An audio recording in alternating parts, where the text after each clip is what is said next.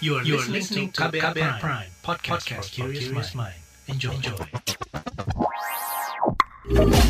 Kamu lagi dengerin What's Trending KBR Pagi.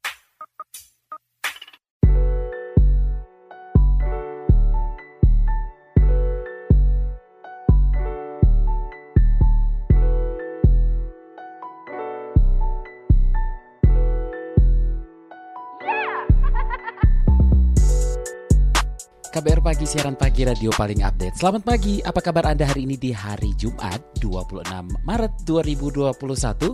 Ketemu lagi dengan saya Don Brady di What's Trending KBR Pagi. Kita pagi ini ngobrolin soal menghelat Piala Menpora.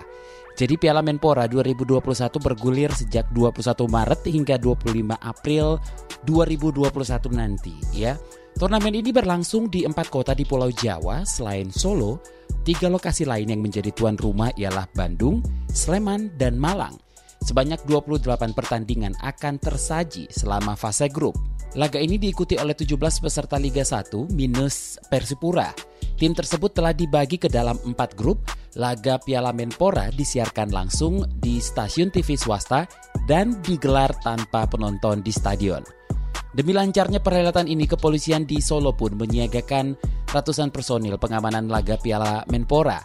Kapolresta Solo Ade Safri mengatakan, aparat juga diterjunkan guna memastikan penerapan protokol kesehatan dalam laga tersebut. Menurut Ade, ada pembatasan jumlah orang di dalam Stadion Manahan. Kata dia, sesuai instruksi Mabes Polri, surat izin keramaian laga Piala Menpora hanya 299 orang saja yang berada di area pertandingan. Mereka pemain, official, panitia, aparat keamanan, awak media atau wartawan, dan tamu undangan. Selain itu Polresta Surakarta dan TNI serta Pemkot Solo gugus tugas pencegahan COVID-19 menerjunkan tim pengurai kerumunan.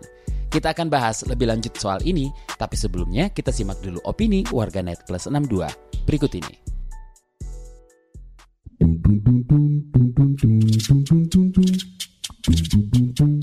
Kita ke komentar at tepung beras rose. Piala Menpora jalan, alhamdulillah akhirnya ada hiburan dari liga lokal.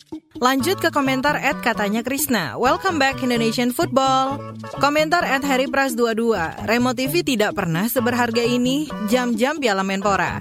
Lanjut ke at Santo 78734. Live streaming TV online Piala Menpora 2021. Yeay! Lalu komentar at Wasori 6. Liga 1 kapan mulai nih mas? Colek bapak lah, rakyat butuh hiburan nih. Apa setelah Piala Menpora? Sementara komentar dari Ed Rahmatal Kadri, di luar rasa syukur dan bangga Piala Menpora, hanya turnamen pramusim, Liga 1 tetap jadi target utama.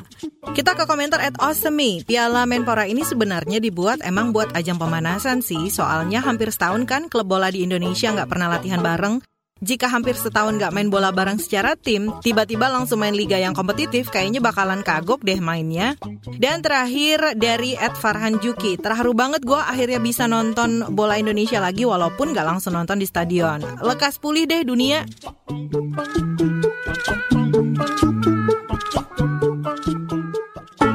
What's Trending KBR Pagi Nah, seperti apa situasi di kota Solo, khususnya di lokasi penyelenggaraan Piala Menpora? Kita tanyakan lebih lanjut kepada kontributor KBR di Solo, Yuda Satriawan.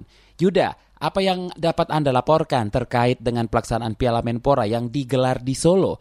Seperti apa suasana di stadion saat pertandingan? Ya, kalau dari pengamatan saya di lokasi, memang untuk Piala Menpora pembukaan kemarin dilakukan di Stadion Manahan Solo sebagai salah satu dari empat kota yang menjadi tuan rumah Piala Menpora 2021.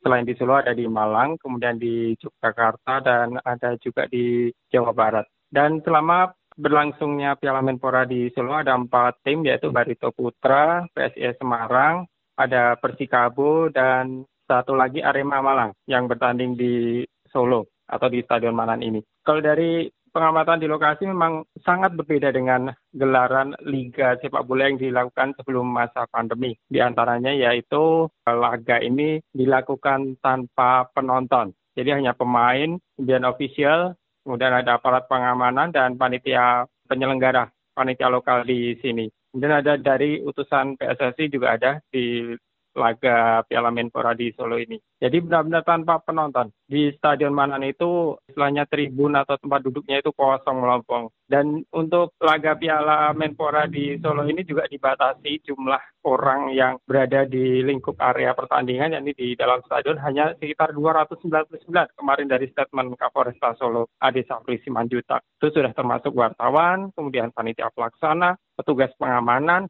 baik dari polisi maupun TNI, kemudian ada juga pemain, kemudian pelatih, dan ofisial dari masing-masing klub empat klub yang bertanding di Solo ini. Nah, apa yang tampak sangat berbeda dibanding event bola sebelumnya? Iya, kalau melihat laga bola itu kan pasti keriuhan penonton ataupun supporter ya dari masing-masing klub. Tapi kali ini benar-benar sepi dan bisa dibayangkan nonton sepak bola dengan suasana yang sangat sepi, hanya pemain yang saling mengoper bola semacam itu, tidak ada teriakan-teriakan ataupun mungkin suara trompet. Kali ini benar-benar berbeda karena penegakan prokesnya juga sangat ketat. Kemudian selama mau masuk ke stadion tiga jam sebelum berlangsung, para wartawan juga menjalani rapid test antigen. Nanti hasilnya jika negatif diperbolehkan untuk masuk atau mengikuti jalannya pertandingan dari dalam. Sementara yang lain bisa melihat secara langsung yang ada yang dilakukan oleh tim penyelenggara yang ada di daerah. Bagaimana pengamanan dan pengawasan demi menjaga protokol kesehatan dipatuhi? Salah satu upaya yang dilakukan oleh panitia yaitu dengan melakukan tes antigen bagi para jurnalis, kemudian para pemainnya, ofisial, dan juga semua penyelenggara di situ termasuk aparat keamanan juga menjalani tes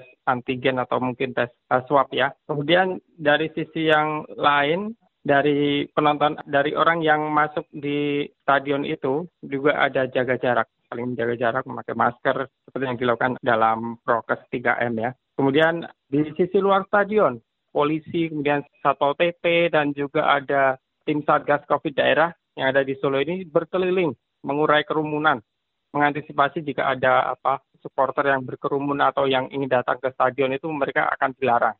Dilarang memasuki stadion. Mereka hanya diperbolehkan menonton dari rumah. Nonton bareng pun tidak boleh dilakukan di Solo atau di, di sekitar lokasi stadion. Mengantisipasi terjadinya pengumpulan supporter yang ingin menonton di stadion itu benar-benar mereka berpatroli secara rutin dan ada sekitar beberapa tim Satgas yang terbagi dalam beberapa kelompok itu berkeliling secara bergantian. Demikian. Sejauh ini adakah pelanggaran prokes? Lalu apa denda atau sanksinya? Kalau dari laga Piala Menpora ini sejauh ini evaluasi memang masih terus dilakukan dan belum ada semacam pelanggaran yang signifikan karena setelah bertanding para pemain ini yang masuk ke hotel itu benar-benar dikarantina dan ada semacam tim dokter atau tim medis khusus yang mengawasi mereka selama berada di hotel hingga ke stadion untuk berlaga. Kemudian untuk masalah sanksi ini kebijakan ada di Menpora maupun PSSI dan selama ini belum ada sanksi bagi mereka. Terima kasih kontributor KBR di Solo, Yuda Satriawan. What's trending KBR pagi? Newsbeat. Direktur Medis Sinovac, Gang Zeng mengklaim vaksin COVID-19 Sinovac aman bagi anak usia 3 sampai 17 tahun. Klaim ini keluar setelah uji klinis tahap awal dan menengah yang melibatkan 550 peserta dilakukan. Uji klinis ini menunjukkan anak usia 3-6 tahun mengalami demam tinggi sebagai respon terhadap vaksin, sedangkan subjek lainnya hanya mengalami gejala ringan. Berdasarkan hasil tersebut, vaksin ini pun dinyatakan aman dan menghasilkan respon imun untuk COVID-19. Anak-anak dianggap sebagai salah satu kelompok yang beresiko akan penyebaran COVID-19, namun kemungkinan mengalami gejala berat lebih kecil. Hingga saat ini, vaksin COVID-19 masih difokuskan bagi orang-orang dewasa, meskipun anak-anak perlu dilindungi untuk mengakhiri pandemi ini. Ajang balapan dunia MotoGP 2021 akan digelar di sirkuit Losail, Qatar pada 28 Maret 2021. Qatar pun akan menjadi tuan rumah dengan double header race. Balapan kedua dilakukan pada 4 April mendatang. Namun pebalap Repsol Honda Mark Marquez dipastikan absen dari ajang balapan tersebut karena masih mengalami cedera tulang humerus lengan kanannya. Tak hanya absen di sirkuit Losail Qatar, Marquez pun juga tak akan mengikuti balapan di MotoGP Doha pada 12 April mendatang. Pebalap asal Spanyol ini mengaku dirinya ingin memulihkan kondisi tubuhnya secara optimal untuk sebelum kembali balapan. Film Black Widow bakal rilis di bioskop dan layanan streaming Disney Plus pada 9 Juli 2021 mendatang. Hal ini pun telah dikonfirmasi pihak Marvel Studios setelah sebelumnya terjadi beberapa kali penundaan. Film ini awalnya dijadwalkan rilis di bioskop pada 1 Mei 2020 sebagai permulaan dari fase 4 Marvel Cinematic Universe. Film yang dimainkan Scarlett Johansson ini akan mencerminkan gerakan hashtag MeToo serta Time's Up. Film akan menceritakan kehidupan Natasha Romanoff yang mengambil latar Captain America, Civil War, dan Avengers Infinity War.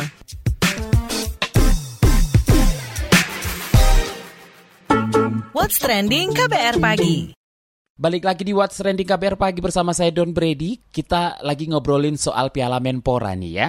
Nah, setahun lebih para pemain sepak bola Indonesia tak berkompetisi. Ajang Piala Menpora ini seolah jadi obat rindu para pencinta olahraga sepak bola nasional. Bagaimana kompetisi Piala Menpora ini bergulir dan apakah ini bisa dijadikan acuan penyelenggaraan kompetisi selanjutnya? Kita obrolkan bareng pengamat sepak bola Aryo Yosia.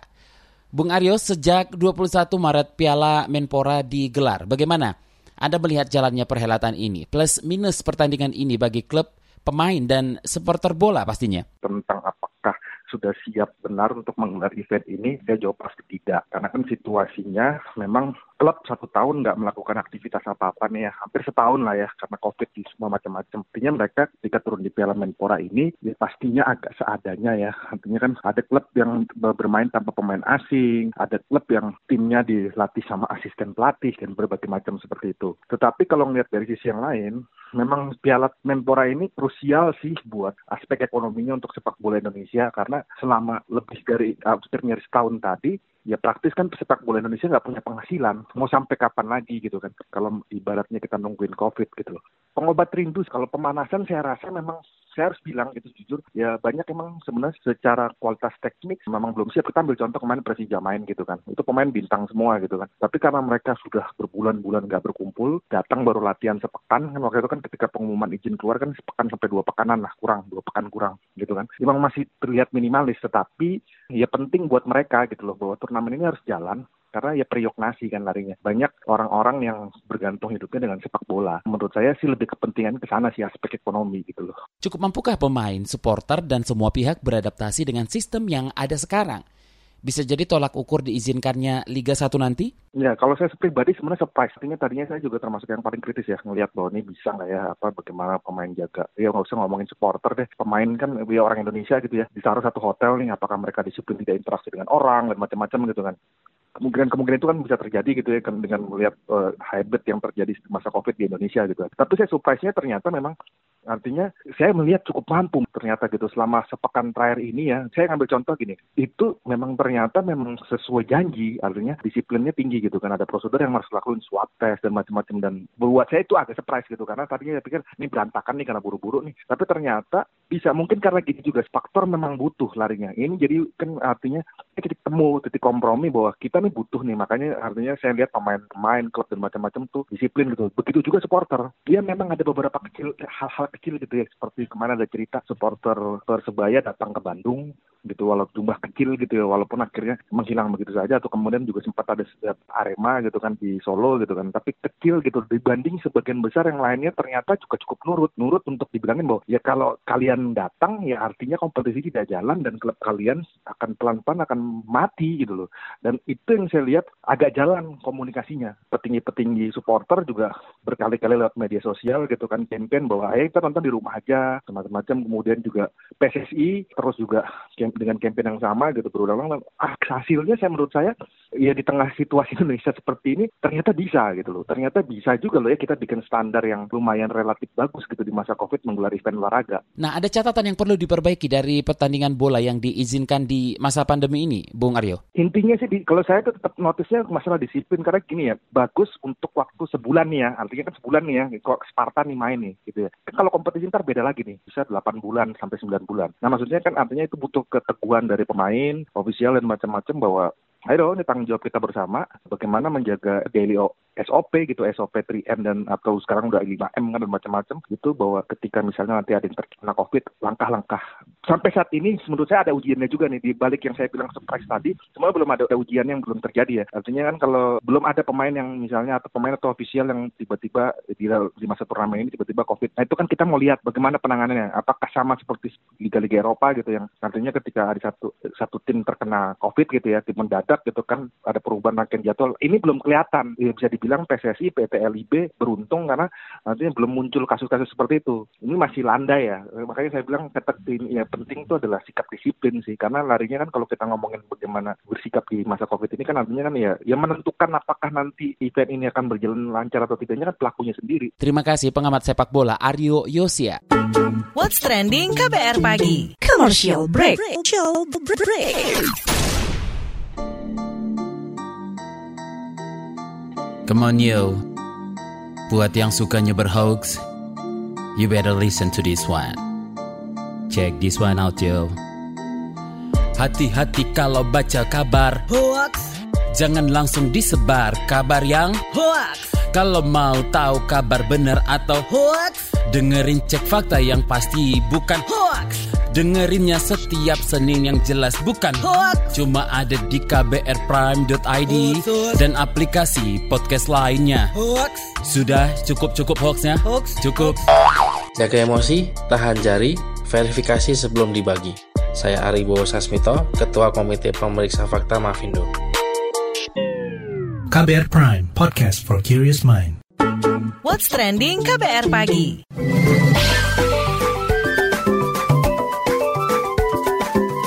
WhatsApp Indonesia.